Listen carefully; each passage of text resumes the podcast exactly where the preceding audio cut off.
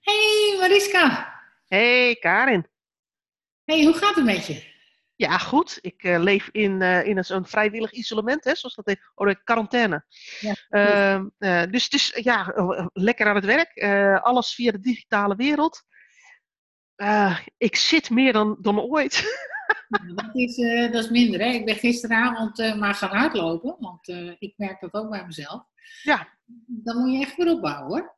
Ja, gelukkig eh, is het eh, lopen met de hond eh, is, in ieder geval genoeg om de dagelijkse beweging te krijgen. Ja. Ja, En heb je gisteren ook naar, het, naar de persconferentie gekeken? ja uiteraard. Hè. Je moet dan onze, onze grote baas natuurlijk altijd even volgen in wat hij doet. Ja. En wat eh, en ik was, ik moet zeggen, het, hij werd aangekondigd en ik dacht, oh jee, we, gaan, we gaan strengere maatregelen krijgen, want het mooie weer komt en iedereen gaat toch naar buiten. Het is, het is te veel. Ja. Eh, ik dacht, maar ja, de berichten waren er na het weekend niet zodanig op dat, eh, dat, dat, nou, dat er nou veel aanleiding toe was. Nee, ik ga het eigenlijk Dus best ik, goed. ik, ik was wel nieuwsgierig en ik moet zeggen, het was echt een, het, gaat goed, hou vol boodschap. Ja. Een van die dingen die wij overigens altijd adviseren hè, aan bestuurders op het moment dat je verandering inzet, dat je de, de- het team vooral moet belonen, moet bevestigen in dat ze het goed doen volgens de nieuwe regels. En ik moet zeggen, Rutte laat dat heel mooi zien op dit moment. Ja, dat deed hij heel goed. Dat Ja. deed hij heel goed. Ja. Maar en ik ook, merk ook, ook eh, sense of urgency creëren, waarin eh, die aangaf dat het echt ook noodzakelijk is dat we volhouden. Dat we niet moeten denken dat we er nu nog zijn. ja, en ik merk er, ik bedoel, eh, ik, ik, ik kijk natuurlijk als bedrijfskundige ook naar wat daar gebeurt. En daar, vandaar dat ik ook denk van ja, die communicatie, die is goed hè. Er was niet echt iets te melden, behalve dat het goed gaat. En, en het weten dat het nodig is om het goed gaan van zo'n verandering. En het is best een ingrijpende verandering voor heel veel mensen. Dat je dat moet, dat je dat moet, moet doen, hè, bevestigen. Ja, joh, je bent goed bezig, het gaat hartstikke goed. Hou vooral vol. Heel belangrijk dat je volhoudt. En ik merk ook bijvoorbeeld in de reactie van mijn moeder, die er natuurlijk ook naar gekeken heeft, eh, hoe belangrijk het ook is dat die bevestiging komt. Die voelt zich echt, zeg maar, persoonlijk aangesproken dat het heel goed is wat ze doet. Ja, Dus dat is, eh, ik denk in mensen. En ik ja, moet en zeggen dat op het moment dat je dan ziet, hè, ja, een aantal uitzonderingen daar gelaten, maar dat overwegend het Nederlandse volk zich daaraan houdt, nou, dan vind ik voor het vrijgevochten zootje, wat we toch normaliter zijn, heb ik best wel een gevoel van trots. Ja, en ik moet ook heel eerlijk zeggen dat eh, eh, we zijn natuurlijk in Europa redelijk eh beschimd dat wij geen harde maatregelen troffen. Ja. Want wij hebben gekozen voor een intelligente lockdown. Past Alleen, ook. alleen die, die naam is al zo mooi. Hè? Het, het- ik bedoel, Rutte heeft ons zeg maar collectief verheven tot een intelligent volk. Ja. Ik bedoel, hoe, kun je, hoe goed kun je het doen, hè? Door een verandering aan te kondigen, door te zeggen, nou, weet je, jullie zijn zo goed, zo intelligent. Het is niet nodig om tegen jullie te zeggen, jullie moeten binnen blijven, als krijg je moeten. Nee. Dit, dit, dit doet iets in de motivatie van, van mensen die deze boodschap krijgen. Dit is echt, het is goed om dat, zeg maar, om dat te blijven focussen, hoe ontzettend goed uitgedacht dit is. Echt Ja. heel mooi. Ja. Ja, en bij dat intelligente volk, waar wij dus nu ook trots op zijn. Hij herhaalde het gisteren weer, hè? Ja, We hebben, int- we hebben gekozen voor een intelligente eh, lockdown. Dat past bij de aard van onze, van onze cultuur. En dus als je een intelligente lockdown doet, moet je ook een intelligente herstart doen. Ja, ik, dit, dit maakt ons. maar ik denk ook dat hij daar wel gelijk in heeft. Want ik denk dat een, een volledige lockdown, dat, dat, dat gaat wel in Italië. Want als je kijkt hoe de Carabinieri en eh eh, Polizia Municipale daar eh, bekend staan, die treden hard op. Maar als, als hier onze politie hard op zou treden, nou, het hele volk komt in opstand. Dus wij zijn toch een volk van, ja, overleg, doe maar gewoon en doe een beetje normaal. En, en als wij eh, de noodzaak ergens van inzien, dan werken we ook wel mee. En wat, wat het mooie daarvan vind, vind ik dat dat dus ook werkt. Hè? Dat ze maatregelen gekozen hebben die passen bij de volksaard. Ja, en ik, en ik- het, het leuke vind ik ook, bij onze volksaard is natuurlijk ook dat wij heel erg het gevoel hebben van, nou, dat zullen we dan wel eens zien. Als op het moment dat ons iets opgelegd wordt, gaan we de tegenstrijd in. Nou, klopt. En nu is, is ons niks opgelegd, want we hebben immers een intelligente lockdown. Ja, precies. Dus je bent nog wel een sukkel als je er niet aan meedoet. Ja. Ja. En zo is het. Wat, wat Maar- ik overigens wel een hele opvallende vond. Hij had het natuurlijk over het nieuwe normaal. Ja. En ook over de, de, de, Anderhalve eigenlijk meter economie. de anderhalve meter economie. En, en hij heeft het gehad over het intelligente opheffen van eh, de maatregelen. Ja. En daarbij werd meteen aangekondigd dat eh, een van de dingen waar ze naar kijken, en dat is altijd goed om dat aan te kondigen, kunnen we alvast een beetje aan het idee wennen, is dat we twee apps krijgen, die we allemaal moeten downloaden, die eh, moeten helpen om het virus in bedwang te houden. Ja. Weet je, ik wou het je net zeggen. En dat is wel een novum, hè? want je krijgt toch een beetje het gevoel, althans ik in eerste instantie. Ik snap de noodzaak, maar tegelijkertijd krijg ik toch een beetje George Orwelliaanse ideeën. Big Brother is watching us. Een beetje zoals in China, hè, waar, eh, waar iedereen via eh, WeChat, dat, dat, ik, zat, ik was even het ik denk WhatsApp, nee, WhatsApp, dat is hem niet. WeChat, zeg maar, dat is het, het, collectieve communicatiemiddel in China. En die, heeft, die houdt dus bij waar mensen zijn en, en met wie ze hebben getroffen. En je wordt gewoon gemeten. En dat wordt direct, hè, met je temperatuur op straat, wordt je gemeten. Eh, eh, en als je verhoging hebt, wordt dat direct zichtbaar via een specifieke app die gekoppeld is aan WeChat. Ehm, waarbij je eh, groen, oranje of rood bent. Ja. En mensen die jou tegenkomen op straat, die zien dat ook. Het gaat heel ver. Maar zien die ook dat jij groen, oranje of rood bent? Volgens mij wel. Volgens Ja. mij was dat een van de trucs dat je als je op. je, je kunt het bij ons ook via bepaalde apps, hè? Dat je kunt eh, eh, kijken waar je vrienden op dat moment zijn. Of als jij ergens bent en je Ja. logt in op die app, dan kan die aangeven wie er nog meer in de buurt zijn. Ja. Nou, volgens mij is het zo'n soort app die eh, daar ook aangeeft van joh, waar ik nu ben, zijn daar dan ook mensen in de buurt die oranje of rood kleuren. Oké. Nou, dat gaat wel ver, hè? Ja, dit- ja, ik denk ook niet dat wij zo ver zullen gaan. Denk ik, hoop ik. Nee, maar, nee, maar aan de andere kant is het toch eh, een systeem wat, wat kennelijk maakt dat je. eh, en vanuit die hoedanigheid snap ik het wel. Wil je, wil je de maatregelen gewoon weer afschalen hè, en de economie weer op gang brengen. Ja, dan moet je niet in de situatie komen dat je uiteindelijk de volgende piek en dan een veel hogere piek in juli of in augustus krijgt. Met vervolgens weer overbelasting van eh, alle IC's. Dat zou Ja. natuurlijk rampzalig zijn. En dus Ja, is ieders veiligheid, want dat wij eh, op een of andere manier iets moeten ontwikkelen, waardoor we immuniteit krijgen, dat, dat, dat staat voor mij wel als een paal boven water. Overigens heb ik zelf liever een vaccin hoor. Als ik nu al een brug hoor. Eh, Ja, en de, en de vraag is ook, en we weten helemaal niet eh, eh, in hoeverre je immuniteit opbouwt en hoe lang die immuniteit geldig is. Nee, Dus het kan best zijn dat als je de ziekte hebt gehad, dat je, dat je eh, voor 10 jaar, 20 jaar eh, zeg maar, immuun bent. Maar het Ja. kan ook zijn dat immu- immuniteit maar een maand of twee maanden duurt. En dan zou je in het najaar gewoon weer dezelfde cyclus krijgen als nu. Ja. En we kunnen natuurlijk niet met elkaar in lockdown blijven.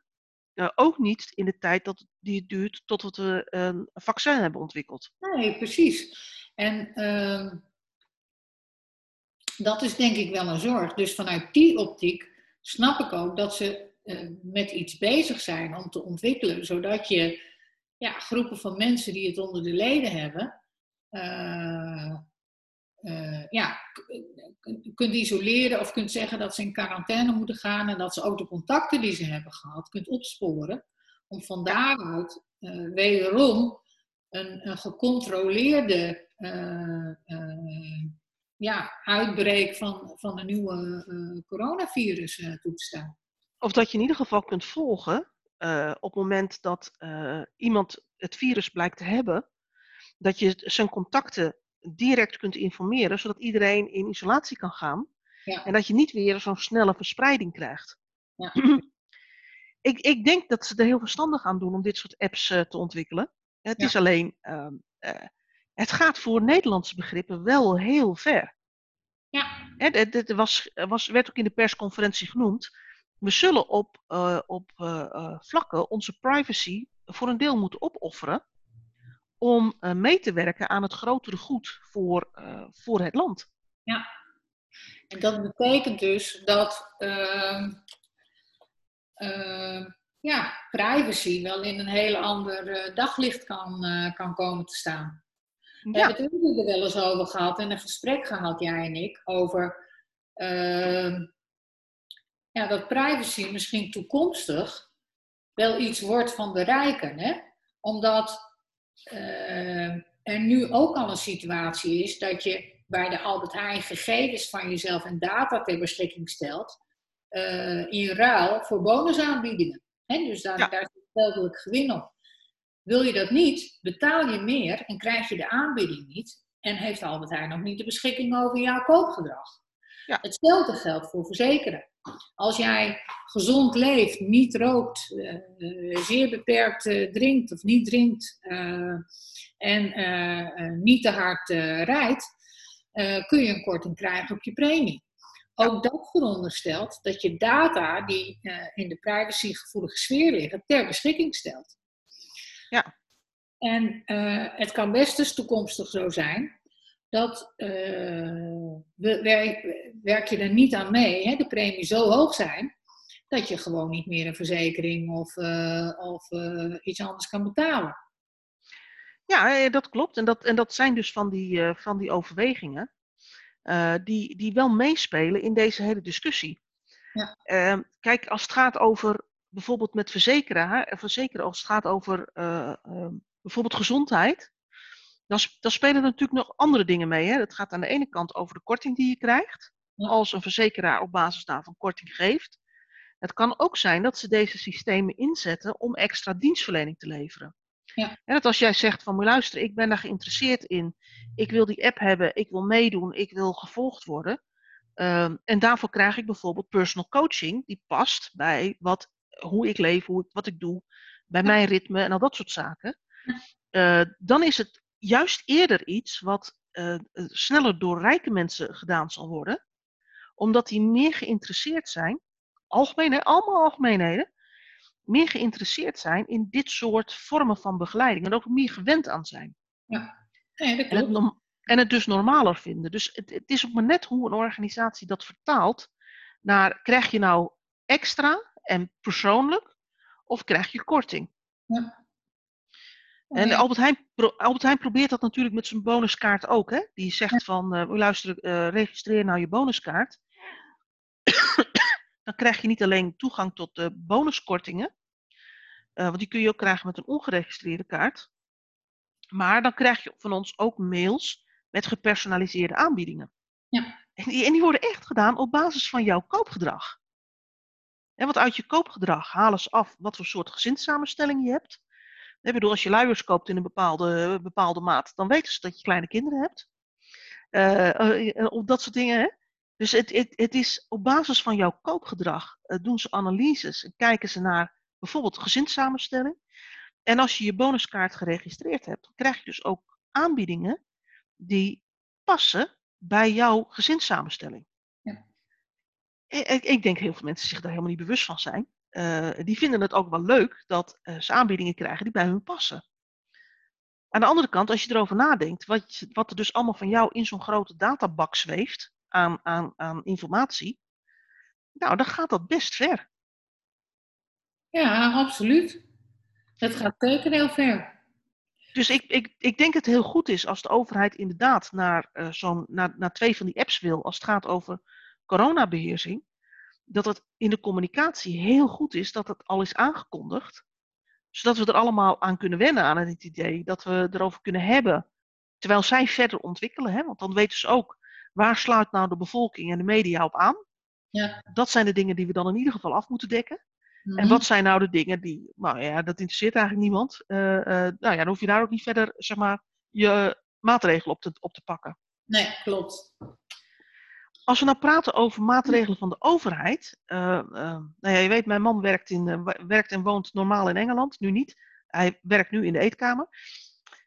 kan verkeren hè, met de coronamaatregelen. Um, maar wij volgen dus ook het Engelse nieuws. Uh, en wat, wat, ik, wat mij gisteravond opviel, is dat uh, de, de lijn richting steun, van de, steun richting de economie, lijkt er in Engeland een beetje op te gaan dat ze hetzelfde gaan doen als toen ook in de bankencrisis, wat wij in de bankencrisis hebben gedaan. In 2008, 2009 hadden we die bankencrisis en wij hebben systeembanken, banken waar onze economie voor een belangrijk deel op draait. En die zijn financieel ondersteund door de overheid. Maar dat is niet door er gewoon geld in te pompen, maar dat hebben ze gedaan door een, voor een deel eigendom te nemen. Waar ze in Engeland nu een beetje op aankoersen, is dat de overheid dat daar ook gaat doen. En dat betekent dat uh, uh, organisaties wel steun kunnen krijgen, maar dat die steun er gepaard gaat met dat de overheid voor een deel eigendom, eigenaar wordt van de onderneming. En als het dan straks weer goed gaat met je onderneming, dan koop je de overheid weer uit. Dat is een beetje het idee. Dat doen ze dan niet, zoals het allemaal nog vaag, hè? het is allemaal nog in voornemens. Dat zouden ze dan niet alleen doen met grote bedrijven, maar ook bijvoorbeeld met MKB'ers. Wat vind jij daarvan?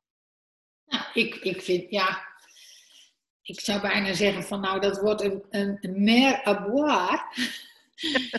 maar ik vind het wel een hele creatieve oplossing. En zeker voor MKB-ondernemers een hele mooie. Want moet je eens voorstellen, op het moment dat jij financiering hebt als MKB'er en het gaat slecht met jou, dan zegt een bank, ja, weet je, we gaan niet bijfinancieren, want dat betekent dat wij exploitatieverlies gaan financieren en dat doen we niet. Wij verstrekken werkkapitaal, wij financieren assets, maar wij financieren niet verlies. Dan moet jij als aandeelhouder maar bijstorten. Moet je nou eens voorstellen dat de overheid een van jouw aandeelhouders is? Ja. Partij kun je niet krijgen. Dus, wat ga je dan doen? Dan zeg je, ja, weet je, uh, ik heb lege zakken. Overheid. Uh, maar hè, ik heb nog een aandeelhouder. Hij heet de British Government. uh, Stort u even bij.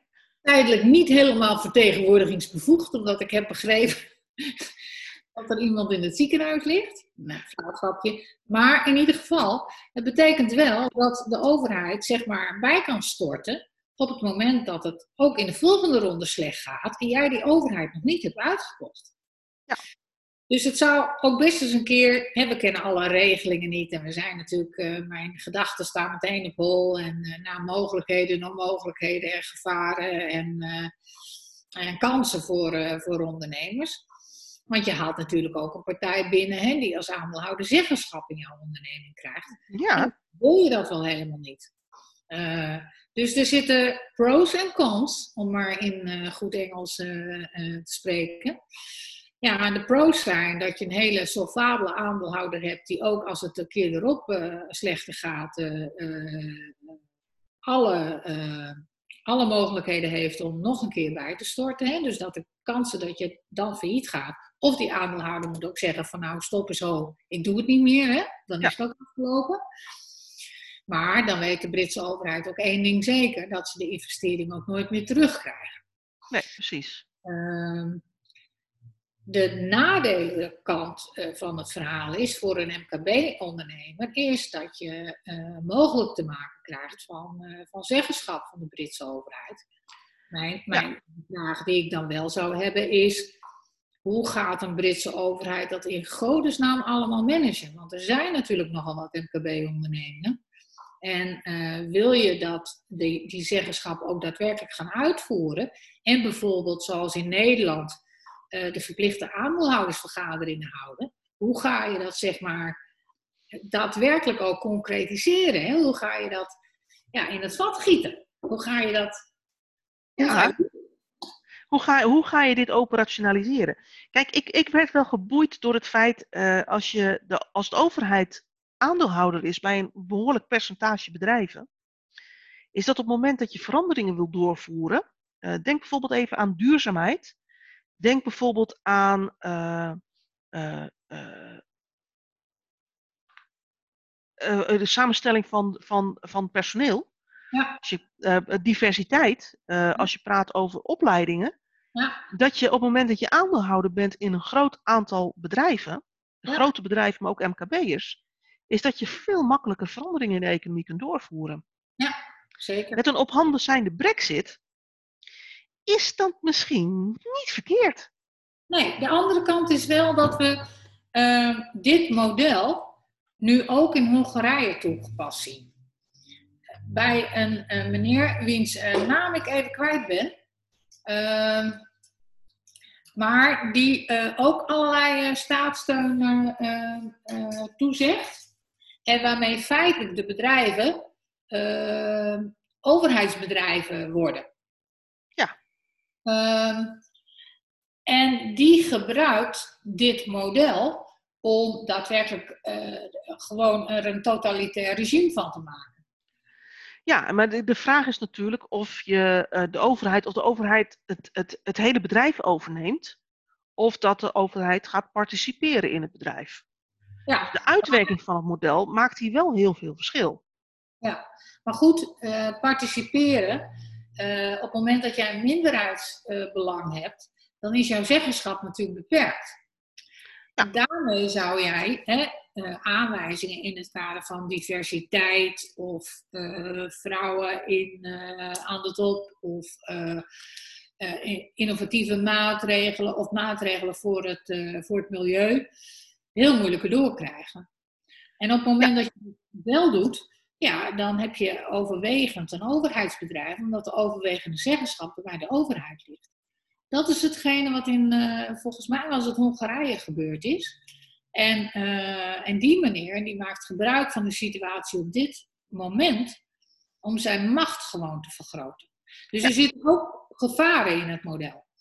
Oh ja, dat zit er zeker in. En dat, daar, daar, daar, daarom is het ook zo'n boeiend onderwerp. Hè? En daar, misschien hebben ze daar ook wel gewoon een ballonnetje op gelaten om te kijken hoe gaat uh, hoe gaat het de bevolking, hoe gaan de media en de economen, hoe gaan die er daarop reageren? Ja. Uh, ik vond het gewoon een heel leuk en bijzonder ballonnetje om eens met elkaar ook over te hebben. Um, en als we dan praten over staatssteun, hè, ik, ik, ga e-, even kijken naar hoe we het in Nederland doen. Hè. Uh, we hebben natuurlijk maatregelen uh, voor werktijdverkorting, hè, zodat je je personeelslasten kunt verla verlagen, daarmee je remweg kunt vergroten. Ja. Uh, we hebben een eenmalige tegemoetkoming van de overheid voor dekking van vaste lasten. die groepen waar, van bedrijven die daarop aanspraak op kunnen doen, die worden steeds uitgebreider. En naarmate we langer in dit proces zitten, worden ook meer organisaties geraakt. Ja. Um, wij, wij doen dus ook een heleboel maatregelen. En nou is even mijn vraag. Hè. Ik, ik had daar ook een, een blog over geschreven. Je ziet dat de crisis nu uh, uh, vaak vergeleken wordt met de bankencrisis. 2008, 2009. Um, en ik, ja, de, bedoel, crisis is crisis, roep ik dan maar even. Economische groei valt weg. Ja, oké, dan is het crisis. Maar de aanleiding tot de bankencrisis was een hele andere dan de aanleiding van de crisis waar we nu in zitten. Zeker. De aanleiding van de bankencrisis was dat er gewoon systeemfouten zaten. Die moesten worden wegge weggewerkt en rechtgetrokken. Ja. Nu hebben we te maken met, het, uh, met een uh, medische aanleiding. En leggen we gewoon moedwillig de, de economie voor een periode nagenoeg stil. Toch gaat de overheid met dezelfde soort maatregelen deze crisis aan. Denk je nou dat dat terecht is? Of zouden we deze, deze periode ook moeten gebruiken om te kijken van, joh, kunnen we nou onze samenleving echt veranderen? Kunnen we uh, meer met thuiswerken? Kunnen we meer met innovatie en technologie? Is dit misschien het moment waarop we bijvoorbeeld moeten gaan experimenteren met een basisinkomen? In de plaats van nog weer een potje hier en een potje daar.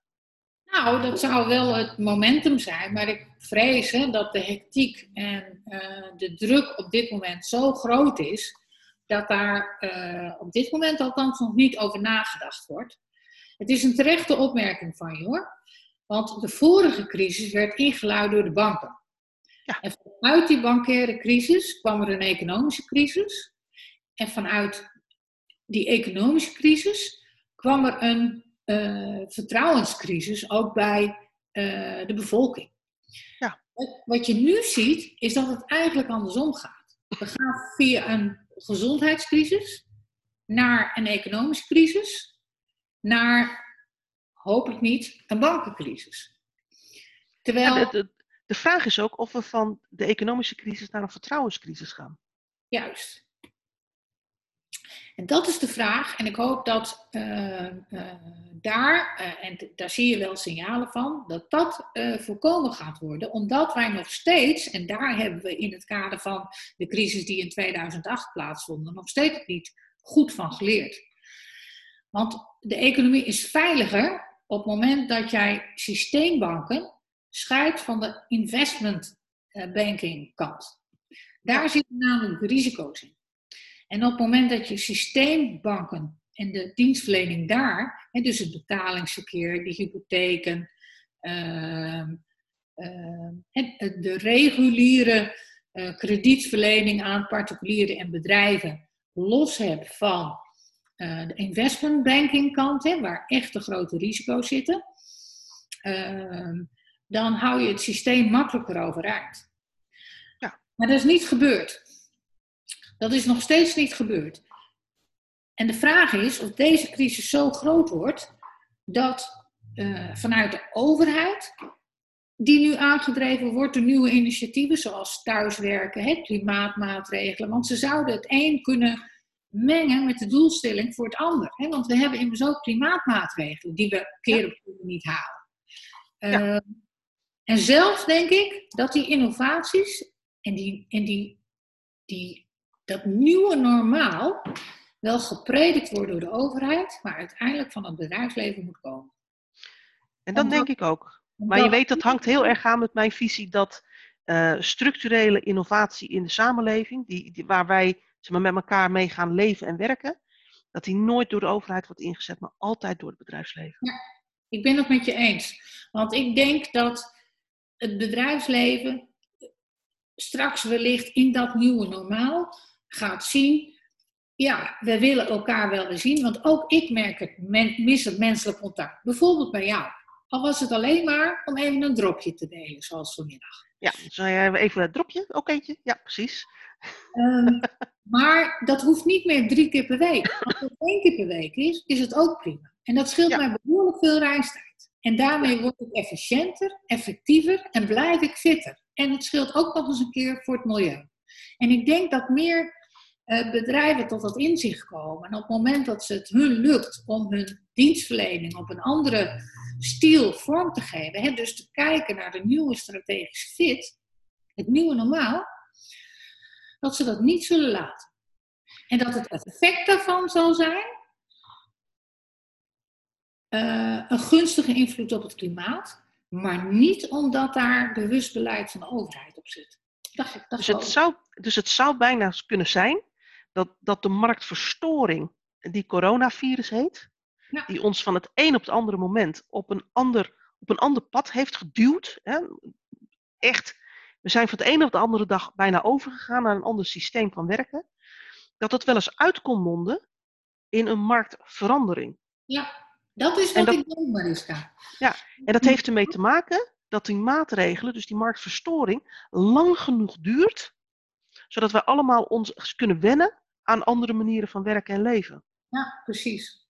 En waar ik een beetje voor vrees, is dat veel ondernemers toch ook nog kijken naar de huidige tijd als het is een marktverstoring en de markt wordt straks weer zoals die was. Het blijft een marktverstoring.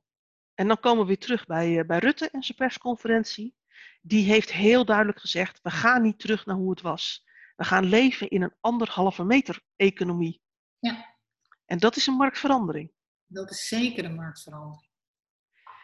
Volgens mij hebben we weer een mooi, een, een, nu weer een mooi rondje gemaakt en het aan elkaar gebracht. Het is mooi om ook af en toe eens te kijken naar niet pure bedrijfskundigen, maar te kijken naar wat, wat betekent nou eigenlijk uh, overheid, overheidsmaatregelen, linksom, rechtsom, we hebben verschillende varianten de revue laten passeren, voor hoe wij als organisaties daarin gaan opereren. Ja, absoluut. En ik denk dat we de actualiteit mooi gehangen hebben in een uh, bedrijfskundig uh, jasje. Yes. En, uh, leuk om zo met jou over dit soort thema's te spreken. Nou, dat vind ik ook. En dat blijven we ook volhouden. we gaan onze Let's Talk Business hiermee afsluiten, denk ik. Ja, gaan we doen. Ik spreek je gauw. Yes, absoluut. Oké. Okay. Doei doei.